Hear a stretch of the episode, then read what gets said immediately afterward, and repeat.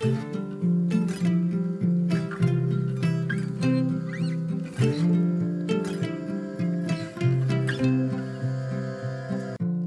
och välkommen till For Health med Anna Sparre. Jag får ofta in funderingar kring sojaprodukter. Så idag tänkte jag ge några tankar kring det här ämnet. Och så kommer vi in på det komplexa ämnet östrogener.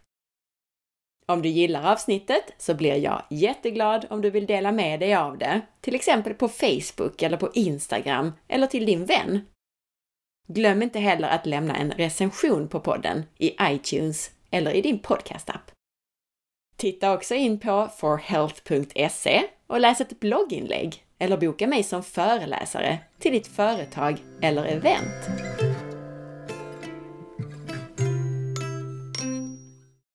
Jag tänkte alltså ta upp ämnet soja idag. Och jag hade uppe ämnet bland annat i avsnitt 59. En del har ifrågasatt att jag är negativ till soja. Och det kan mycket väl vara riktigt att göra det. Jag är glad att jag har kritiska lyssnare som inte sväljer allt med hull och hår. Jag håller med om att soja som livsmedel kan diskuteras. Alltså diskussionen rör huruvida soja är ett bra livsmedel eller inte. De positiva aspekterna av soja som kan diskuteras är dels näringsinnehållet och dels hormonpåverkan. Näringsinnehållet i soja är antagligen så nära fullvärdigt protein som man kan komma när det gäller mat från växtriket. Fullvärdigt protein innebär att det innehåller alla essentiella aminosyror, alltså alla aminosyror som kroppen inte själv kan sätta ihop och tillverka. Och då är det så att det här fullvärdiga proteinet är ganska enkelt att få i sig från animalisk kost, men mycket svårare att få i sig från växtriket. Och soja är antagligen den växt som kommer närmast. Men ett stort problem om man förlitar sig på soja som proteinkälla är att även om det innehåller alla essentiella aminosyror så är fördelningen mellan dem inte optimal. Alltså det är för lite av vissa aminosyror i förhållande till andra. Och sen finns det andra aspekter som att det innehåller en del ämnen som kan hindra upptaget av andra näringsämnen. Och så en massa saker som jag pratade om då i avsnitt 59. Men hur som helst så kan det vara en bra proteinkälla, möjligen potentiellt för den som är vegetarian. Den andra potentiellt positiva eller negativa effekten av soja gäller hormonpåverkan. Detta handlar dels om soja som en fytoöstrogen, alltså östrogenliknande ämne från växtriket. Dels om att sojas innehåll av lignaner påverkar östrogen att brytas ner till snällare östrogenmetaboliter. Lignaner är en sorts fytokemikalier i växter och verkar i studier visa sig skydda mot bröstcancer. Och jag kanske borde backa ett steg här och förklara varför vi ens pratar om sojas påverkan på östrogen. Faran med en förhöjd östrogeneffekt är kopplad till allt från hormonella cancerformer som bröstcancer och prostatacancer till saker som man-boobs och liknande icke önskvärda effekter.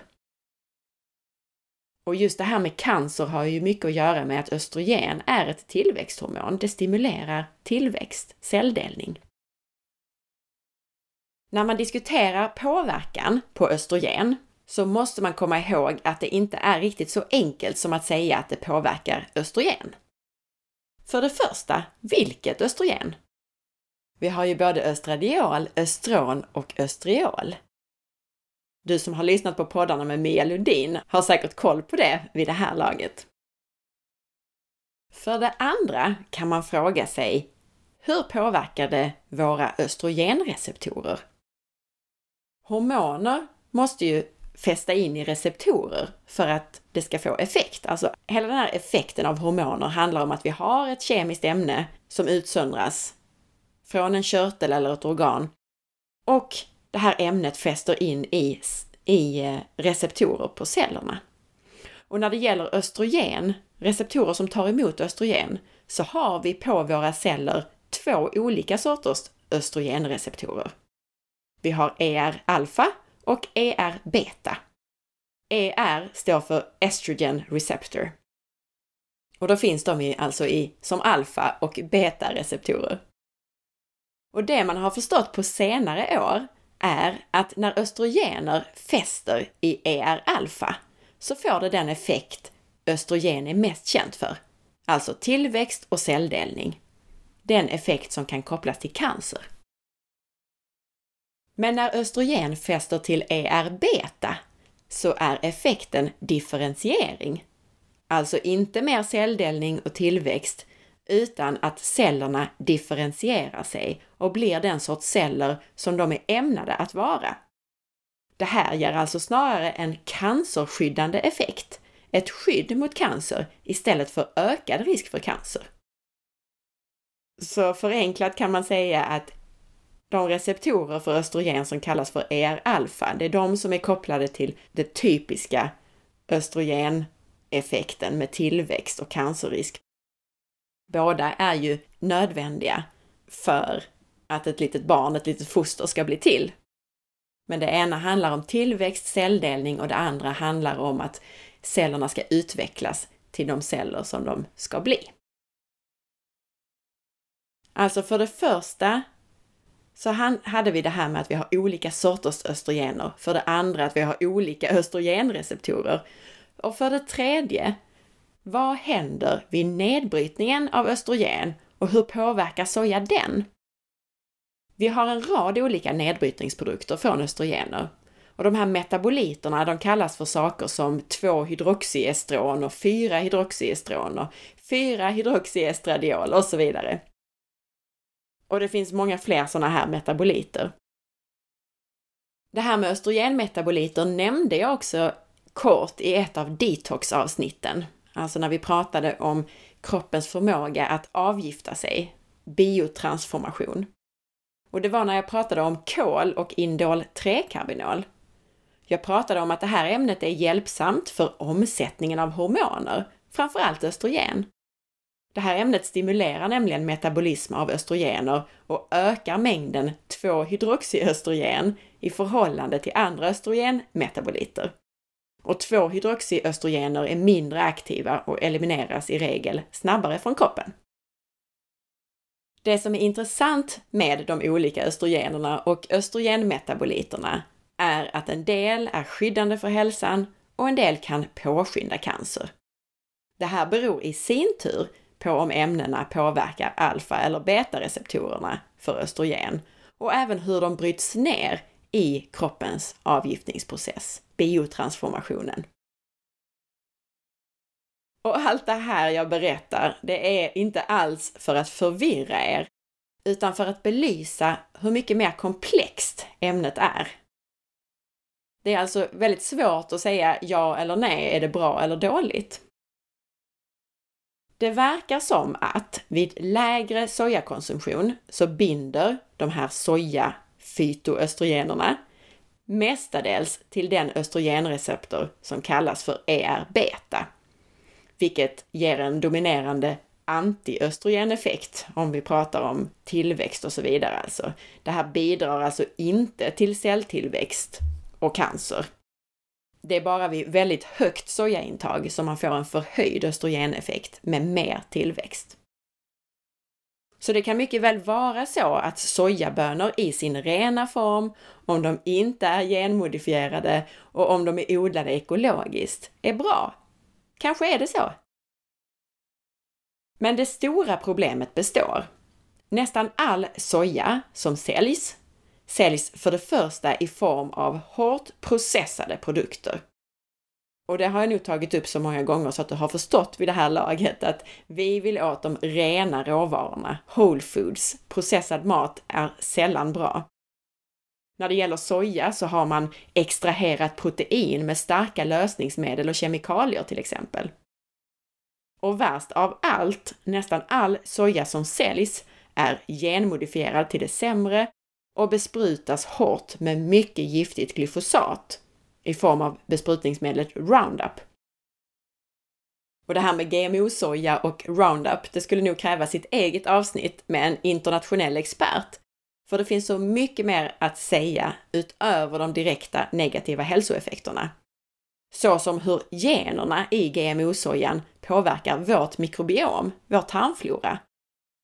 Eller hur minsta lilla spår av Roundup påverkar tarmfloran. Men jag är inte experten här och jag lämnar det därför upp till dig själv tills vidare. Eller så får du rekommendera mig en intervjuperson som vi kan prata vidare med på det här spännande ämnet. Min rekommendation kring soja är att om du väljer att äta soja, så välj att äta den rena råvaran i form av edamamebönor alltså. Och endast, endast ekologiskt odlad soja.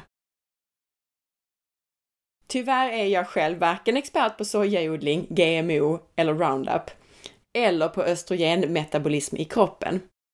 Är du intresserad av att höra mer om det här så får vi alltså leta fram någon expert som kan tänka sig att vara med i en intervju. Lyssna gärna också på avsnitt 59 för mer information om soja.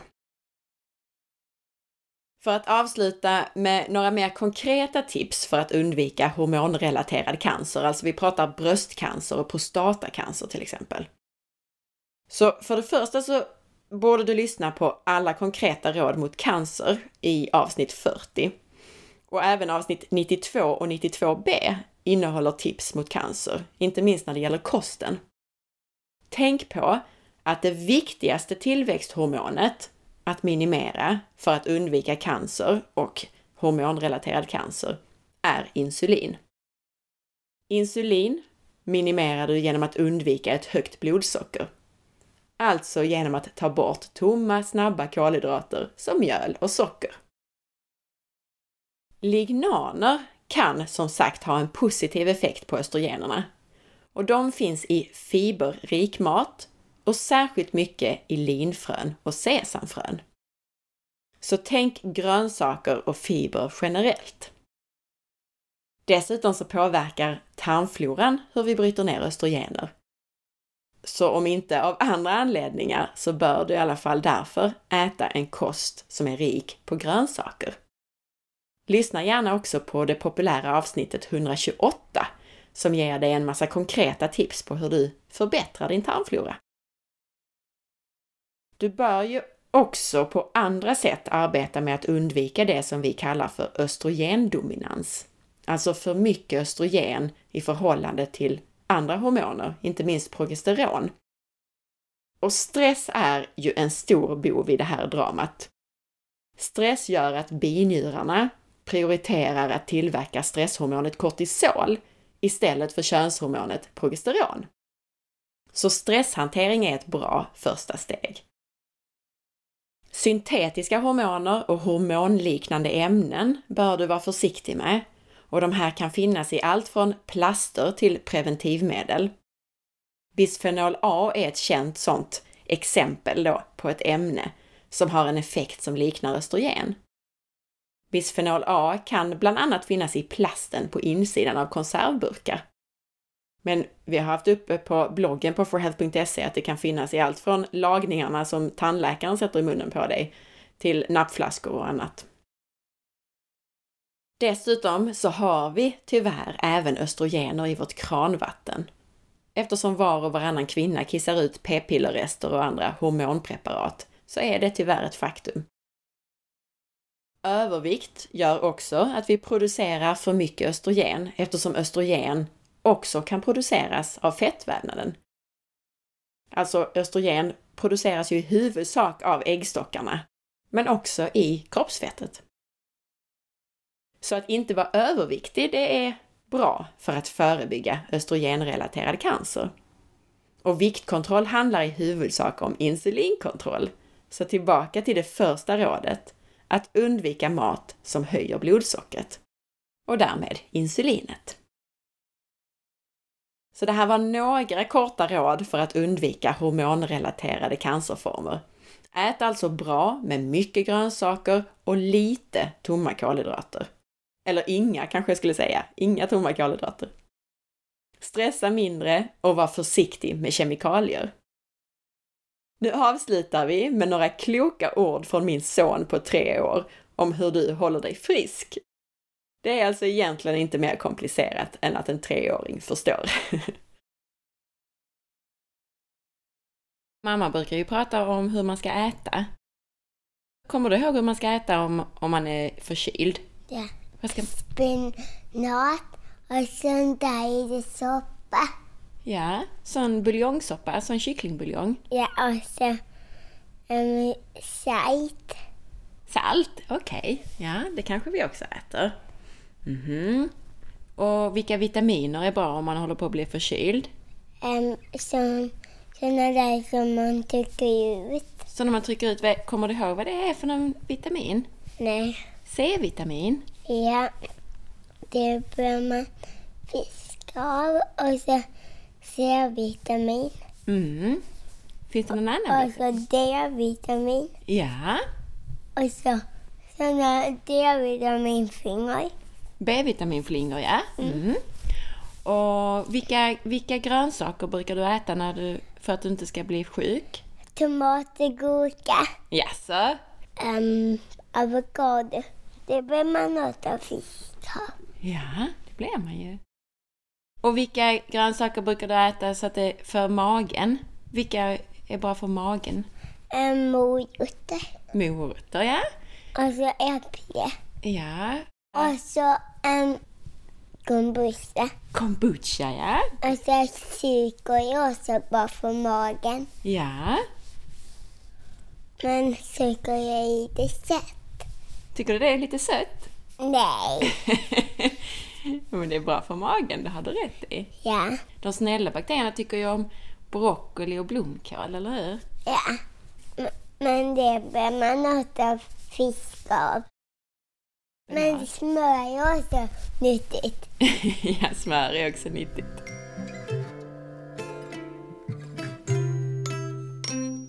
Tack för att du lyssnade! Jag hoppas att du gillade avsnittet.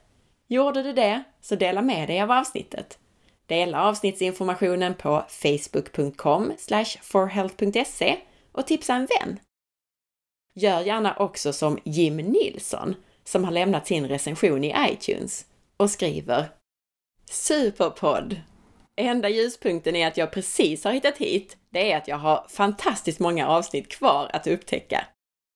Att lyckas balansera lättförståeligt, övergripande, konkret, så bra med äkta fördjupning, det är en konst. En konst Anna Sparre lyckas fenomenalt med. Väl påläst och med egna praktiska erfarenheter bjuder hon på mycket välplanerade och intressanta intervjuer såväl som egna avsnitt med tydligt avgränsade områden inom vad som annars lätt kunde ha blivit ett oöverskådligt, stort ämne. Högsta betyg från mig! Tack snälla Jim och tack alla andra som lämnar era recensioner i iTunes. Det hjälper så enormt mycket för poddens överlevnad. Glöm inte heller att välja att prenumerera på podcasten For Health med Anna Sparre i din podcastapp eller i iTunes.